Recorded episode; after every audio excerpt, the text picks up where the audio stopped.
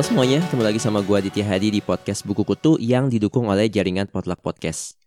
Bagi kalian yang baru pertama kali dengerin podcast ini, podcast Buku Kutu adalah sebuah podcast yang membahas tentang berbagai hal menarik dari dunia literasi, biasanya berupa review buku, obrolan dengan penulis atau penerbit, serta hal-hal lain yang seru untuk dibincangkan di dunia buku. Kalau kalian gak mau ketinggalan informasi terbaru dari dunia buku, langsung aja follow akun Instagram gue di @podcastbukukutu atau akun Twitter gue di @podcastbuku. Ini adalah sebuah episode spesial karena merupakan bagian dari edisi Baca Sama-sama yang merupakan kerjasama dengan Gramedia Pustaka Utama dan Gramedia Digital, serta didukung oleh jaringan Potluck Podcast. Selain gua dari podcast buku tuh, ada juga empat podcast buku lain yang berkolaborasi di edisi Baca Sama-sama ini. Ada podcast Main Mata, Kepo Buku, Mari Pada Baca, dan Sahabat Buku. Di edisi Baca Sama-sama ini, kami semua mau berbagi rekomendasi buku terbitan Gramedia Pustaka Utama yang menurut kami seru banget buat kamu baca. Cara beli dan mendapatkan buku tersebut pun gampang, cukup download aplikasi Gramedia Digital di Google Play Store atau Apple App Store, lalu beli e-booknya di aplikasi Gramedia Digital tersebut. Jadi nggak perlu repot-repot ke toko buku. Nah, di edisi Baca Sama-sama ini gue mau membahas sebuah buku yang menarik banget menurut gue, judulnya Kepunahan ke-6, Sebuah Sejarah Tak Alami karya Elizabeth Colbert. Atau dalam bahasa Inggris judulnya The Sixth Extinction, An Unnatural History. Buku ini terbit tahun 2014 dan telah berhasil mendapatkan beberapa penghargaan yang cukup prestisius seperti penghargaan Pulitzer untuk General Nonfiction tahun 2015, Los Angeles Times Book Prize for Science and Technology tahun 2014 dan masuk nominasi juga di Goodreads Choice Award untuk kategori nonfiction tahun 2014. Kalau kalian ngelihat covernya di toko buku atau di Gramedia Digital, itu menarik perhatian banget karena warnanya kuning ngejreng, terus ada gambar tulang-tulang fosil mastodon yang dibentuk hingga menyerupai bentuk asli hewan tersebut. Awalnya gue rada minder sih buat baca buku ini karena apa ya gue orang IT gitu biasa yang teknologi-teknologi ini gue dihadapkan sama sebuah buku yang kayaknya lebih ke biologi, lebih ke ekologi, lebih ke bagaimana ekosistem hewan dan tumbuhan yang ada di bumi pasti kan kayak scientific banget dan bahasanya berat dan beda banget lah sama bidang gue. Tapi akhirnya gue tergerak untuk membaca buku ini karena ada beberapa teman yang merekomendasikan buku ini juga. Plus waktu itu gue iseng nonton series dokumenter gitulah yang namanya Cosmos Possible Worlds yang dipandu oleh Neil deGrasse Tyson. Di sana juga disebutin tentang istilah The Sixth Extinction ini atau kepunahan keenam ini hingga akhirnya kemudian ya udahlah gue mutusin buat baca gue berani beraniin gitu. Dan ternyata bener gitu. Buku ini tuh nggak semenakutkan yang gue bayangin. Nanti akan gue jelasin deh kenapa. Sebelum mulai mungkin gue mau jelasin dulu apa yang dimaksud dengan kepunahan keenam di buku ini. Jadi bumi ini semasa hidupnya sudah mengalami lima fase kepunahan spesies di dalamnya. Mulai dari masa Ordovisian, Devonian, Permian, Triasik hingga Cretaceous. Termasuk yang mungkin yang populer di kita itu adalah yang menimpa para dinosaurus. Kenapa mereka dulu ada tapi sekarang nggak ada, sekarang cuma tersisa fosil-fosilnya doang. Itu juga karena salah satu dari fase kepunahan tersebut. Jadi di fase kepunahan itu biasanya terjadi sebuah perubahan yang drastis yang signifikan baik karena iklim atau ada meteor jatuh dari langit yang kemudian membuat mungkin lebih dari 50% spesies di bumi ini punah gitu bukan cuma mati ya, tapi punah alias tidak bersisa sama sekali. Jadi ada misalnya ikan gurame gitu, udah sama sekali nggak ada ikan gurame di dunia setelah fase perubahan tersebut. Itu jelas membuat alam jadi tidak seimbang sehingga harus mengalami masa pemulihan yang cukup lama. Mungkin kita kan belajar biologi ya, waktu mungkin SMP atau SMA ada yang namanya rantai makanan. Kalau ada satu part, satu bagian dari rantai makanan itu yang hilang, kan pasti yang mau makan dia juga jadi kelaparan karena makanan dia hilang gitu. Nah itulah yang menyebabkan bumi ini jadi nggak stabil dan perlu waktu lama untuk kembali menjadi tanda kutip stabil lagi. Beberapa peneliti, terutama yang bergerak di bidang biologi dan ekosistem hewan dan tumbuhan, menemukan bahwa di zaman sekarang, di mana kita sebagai manusia, sebagai Homo sapiens ini hidup, sepertinya kita juga sedang mengalami kepunahan tersebut. Kenapa? Karena ada banyak sekali kasus kepunahan spesies di bumi, tentu bukan manusia ya. Tapi hewan, tumbuhan, banyak banget yang punah dan bila ditelusuri sebab utamanya adalah karena kita, yaitu umat manusia itu sendiri. Itulah yang kemudian mendorong dua orang peneliti yang namanya David Wake dan Vance Fredenberg untuk membuat makalah yang berjudul Are We in the Midst of the Sixth Mass Extinction? Apakah kita ada di tengah-tengah fase kepunahan massal ke-6 pada tahun 2008? Dan karena disebabkan oleh manusia, banyak juga yang menyebut fase kepunahan keenam ini sebagai antroposen. Kan antropo itu kan manusia ya. Jadi punahan yang disebabkan oleh manusia. Ironis ya. Makalah ini yang kemudian mendorong Elizabeth Colbert sebagai seorang jurnalis sains untuk melakukan penyelidikan. Jadi dia keliling ke mana-mana ke seluruh dunia. Ia mencoba menemukan sebanyak mungkin kasus yang menjadi bahan dari makalah Wake dan Friedenberg ini dan akhirnya mengumpulkan ke dalam buku yang akhirnya bisa gue baca. Di awal buku, ia sudah mulai dengan sebuah pernyataan yang cukup menggugah banget menurut gue. Ia mengatakan bahwa dari bangsa Homo sapiens ini yang baru muncul di bumi sekitar 200 ribu tahun yang lalu, Mungkin kita sebagai manusia merasa, ah manusia itu udah hidup lama banget gitu. Tapi buat bumi yang sudah ada sejak 4,5 miliar tahun yang lalu, manusia itu masih hitungannya muda loh. Nah, spesies muda ini baru muncul awalnya dari Afrika, kemudian menyebar ke Eropa. Mereka ketemu dengan sesama mereka, yaitu Homo neanderthal dan Homo-Homo yang lain. Eh malah kita sebagai Homo sapiens tuh tanda kutip ya, membunuh atau membuat punah Homo neanderthal tersebut gitu. Buktinya apa ya? Buktinya kita nggak menemukan mereka sama sekali kan di bumi ini sekarang gitu. Dan akhirnya cuma tersisa kita, Homo sapiens, spesies kita doang yang mengisi seluruh pojok bumi. Kita berkembang hidup, melakukan revolusi industri hingga sekarang, dan entah sadar atau enggak, kita udah mengubah komposisi atmosfer, mengubah iklim, hingga sifat kimiawi yang ada di lautan dan langit. Tanaman dan hewan pun harus beradaptasi seiring kita bangun perkotaan, ada yang akhirnya mampu beradaptasi dengan cara menyingkir ke pinggir-pinggir, tapi ada juga yang nggak sanggup dan akhirnya harus punah. Di buku ini, Elizabeth Colbert mengangkat beberapa kisah, mulai dari Atelopus zeteki atau kodok emas di Panama yang punah karena sebuah jamur yang berasal dari benua lain yang nggak mungkin bisa menyerang mereka kalau nggak ada perpindahan manusia dengan pesawat antar benua. Bagaimana kehidupan manusia itu udah bikin tingkat keasaman laut jadi menurun, Mungkin buat yang tahu pH, pH itu makin turun, makin kecil itu artinya makin asam ya. Sekarang pH laut itu udah sekitar 8,1 dan mungkin bisa jadi 7,8 dalam waktu dekat. Angkanya kecil sih, tapi kalau tingkat keasaman itu adalah sebuah angka yang besar. Perubahan 0, aja itu udah bisa memberikan pengaruh yang besar gitu. Kenapa? Karena banyak biota laut yang akhirnya mungkin nggak bisa bertahan dengan lingkungan yang sifatnya terlalu asam. Begitu juga dengan hilangnya terumbu karang dan lain-lain. Di buku ini ada satu cerita yang menarik perhatian gue banget yaitu tentang penguin Great Oak atau nama ilmiahnya Penguinus impenis. Awalnya diceritakan bahwa ada catatan dari tahun 1534 bahwa penguin ini tuh banyak ada di Norwegia, Italia, hingga pesisir Florida. Tapi kemudian manusia tuh mulai banyak nangkepin hewan-hewan tersebut. Bahkan ada catatan dari seorang pelaut tahun 1821, dia menceritakan bagaimana pelaut-pelaut ini tuh ngambil banyak banget Penguinus impenis ini, penguin great auk ini karena perdagangannya lagi populer banget, banyak orang yang minta. Bahkan saking banyaknya penguin itu saat itu, mereka tuh sampai kayak bakar mereka hidup-hidup, kemudian bulunya dicabut-cabutin dan lain sebagainya gitu.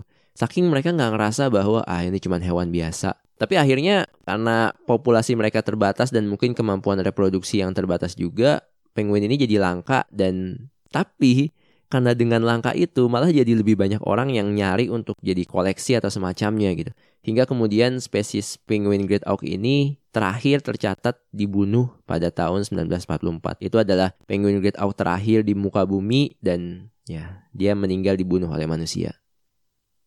Di sini gue jadi berpikir bahwa sebenarnya apa sih gitu yang sudah kita lakukan sebagai manusia gitu. Kita hidup di bumi berdampingan dengan hewan dan tumbuhan mereka sudah lebih ada lebih dulu daripada kita gitu kita baru muncul belakangan tapi kita untuk menjaga bumi ini agar tetap stabil tetap nggak usah lah gitu bertambah baik gitu tapi at least nggak bertambah buruk gitu kita kayaknya untuk menjaga itu aja itu kita nggak bisa gitu kita sebagai manusia banyak mendahulukan ego untuk makan segalanya, nangkepin semua hewan, ngoleksi bulunya, kepalanya, kakinya, jantungnya, segala macam kita koleksi.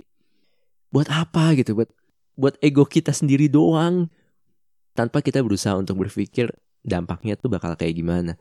Gue sendiri masih ngerasa bahwa gue termasuk manusia yang seperti itu gitu. Gue masih mendahulukan ego, gue nggak mikirin hewan lain, tumbuhan lain atau makhluk lain di muka bumi ini. Dan buku ini jadi pengingat, at least gue ya, dan gue berharap buku ini juga bisa menjadi pengingat kalian gitu bahwa kita harus berpikir apa sih yang sebenarnya kita sudah lakukan di bumi ini gitu. Dan ya menurut beberapa peneliti yang namanya kepunahan keenam ini bisa kita cegah dan ya semoga kita masih sempat ya untuk menyelamatkan banyak spesies yang kini terancam kepunahan tersebut. Ya, yeah, I think that's all synopsis gue tentang buku The Six Extinction ini. Untuk reviewnya akan gue bahas di segmen kedua.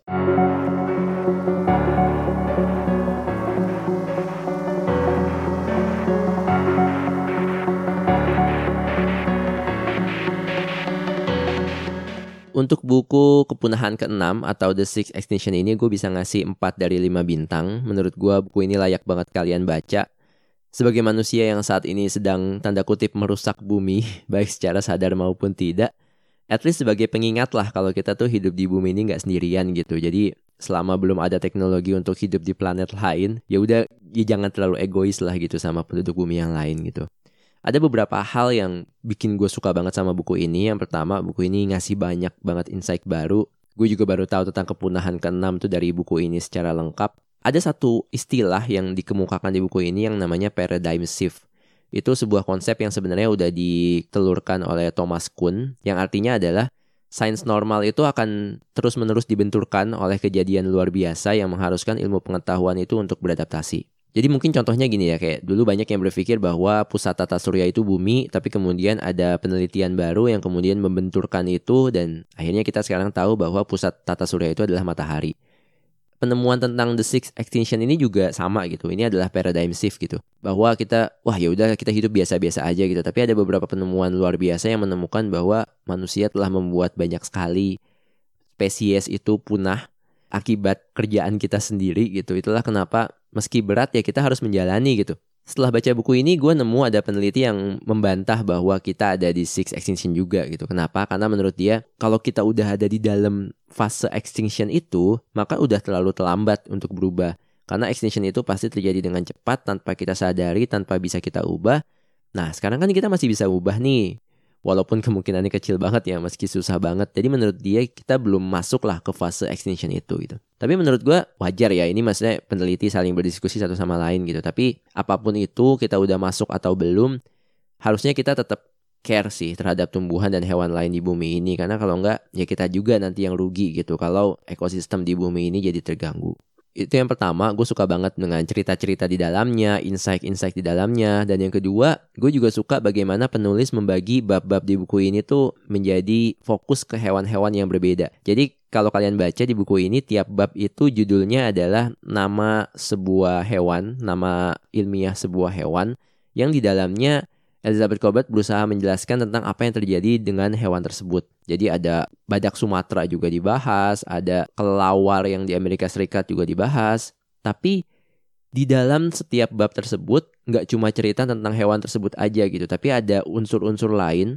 ada penjelasan-penjelasan lain seperti tadi ada paradigm shift, ada yang fokus membahas tentang bagaimana hidup ini merupakan satu kesatuan antara hewan, tumbuhan, dan manusia gitu apa aja sih akibatnya kalau kita menghilangkan satu spesies dalam sebuah ekosistem oh ternyata dampaknya bisa besar gitu. Jadi di masing-masing bab itu emang penulis fokus terhadap satu spesies tertentu satu hewan tertentu. Dia menjelaskan ada loh kepunahan yang simply manusia itu nggak sengaja memindahkan jamur ke benua lain. Ada juga kepunahan yang terjadi karena alasan B alasan C dan lain sebagainya gitu. Ini membuat setiap bab di buku ini menurut gue bisa banget di baca terpisah. Bahkan kalau kalian baca di tengah dulu kemudian akhir baru awal kayaknya juga nggak masalah gitu. Tapi emang berasa lengkap lah berasa komprehensif kalau kalian baca semuanya dari awal sampai akhir.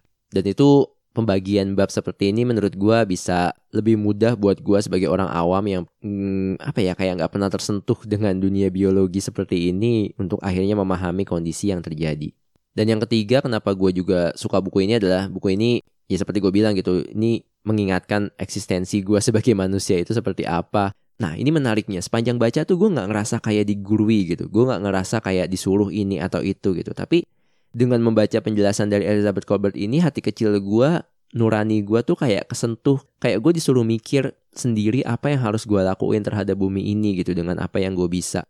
Menurut gue ini justru lebih powerful ya dibanding oh kita sebagai manusia harus A B C gitu enggak gitu. Tapi Elizabeth Colbert itu cuma menjelaskan ini loh ada kejadian ini, ini loh ada kejadian ini, ini loh manusia ngebunuhin penguin seperti kayak gini, ini loh manusia menonjolkan egonya untuk membunuh hewan-hewan lain seperti ini gitu. itu tuh justru gue kayak kayak tertohok sih buku ini kayak mendorong gue bukan coba mengubah perilaku tapi juga mengubah mindset gue secara keseluruhan gitu bahwa kita hidup di bumi ini berdampingan dengan yang lain yuk kita tekan ego kita untuk memakan segalanya semau kita, membunuh semua hewan semau kita, mengoleksi bagian-bagian tubuh hewan atau tumbuhan semau kita gitu dan lebih bijak aja sih dalam mengambil keputusan terkait hal tersebut. Ada satu quote yang menarik banget di buku ini walaupun menurut gue rada debatable ya. Uh, Elizabeth Colbert bilang bahwa nasib manusia bukan yang paling layak diperhatikan saat ini. Mungkin banyak orang yang protes, enggak lah manusia harus diperhatiin gitu. Tapi ya dalam kaitannya dengan hewan dan tumbuhan kita harus melihatnya seperti itu gitu. Bahwa nasib manusia bukan yang paling layak diperhatikan kita sedang memutuskan jalur evolusi mana yang akan terbuka dan tertutup selamanya. Ya ada pilihan buat kita ya kita tinggal milih aja kita mau milih yang mana I think that's all gue ingetin lagi bahwa ini adalah episode spesial karena merupakan bagian dari edisi baca sama-sama kerjasama Gramedia Pustaka Utama dan Gramedia Digital dan didukung oleh jaringan Potluck Podcast. Selain gue dari podcast buku tuh ada juga empat podcast buku lain yang berkolaborasi di edisi baca sama-sama ini yaitu podcast Main Mata, Kepo Buku, Mari Pada Baca, dan Sahabat Buku. Dengerin juga ya episode-episode di sana. Di edisi baca sama-sama ini kami berbagi rekomendasi buku terbitan GPU Gramedia Pustaka Utama yang menurut kami seru banget buat kamu baca. Cara beli dan mendapatkannya juga gampang, cukup download aplikasi Gramedia Digital di Google Play Store atau Apple App Store dan di sana kalian langsung bisa beli e-booknya dengan mudah jadi nggak perlu repot-repot ke toko buku. Jangan lupa buat follow podcast ini di Spotify, Google Podcast, atau Apple Podcast biar kalian bisa dapat notifikasi ketika gue ngeluarin episode baru. Selain itu, kalian juga bisa menikmati podcast buku kutu ini di YouTube. Caranya langsung aja buka kanal Potluck Podcast, PODLUCK Podcast, dan cari konten-konten yang ada judulnya buku kutu. Kalau kalian mau dukung gue secara finansial bisa kunjungi karyakarsa.com garis miring podcast buku karyakarsa.com garis miring PODCAST BUKU di sana kalian bisa dukung gue secara finansial lewat GoPay, OVO dan yang lain-lain dan nanti hasilnya akan gue gunakan untuk ya beli buku dan meningkatkan kualitas dari podcast ini juga pokoknya buat kalian juga deh kalau kalian mau reach out gue untuk ngasih rekomendasi buku apa yang harus dibahas langsung aja reach out gue di Instagram at podcastbukutu, Twitter at podcastbuku, atau email ke podcastbukutu at gmail.com. I think that's all. Thank you for listening. See you and ciao.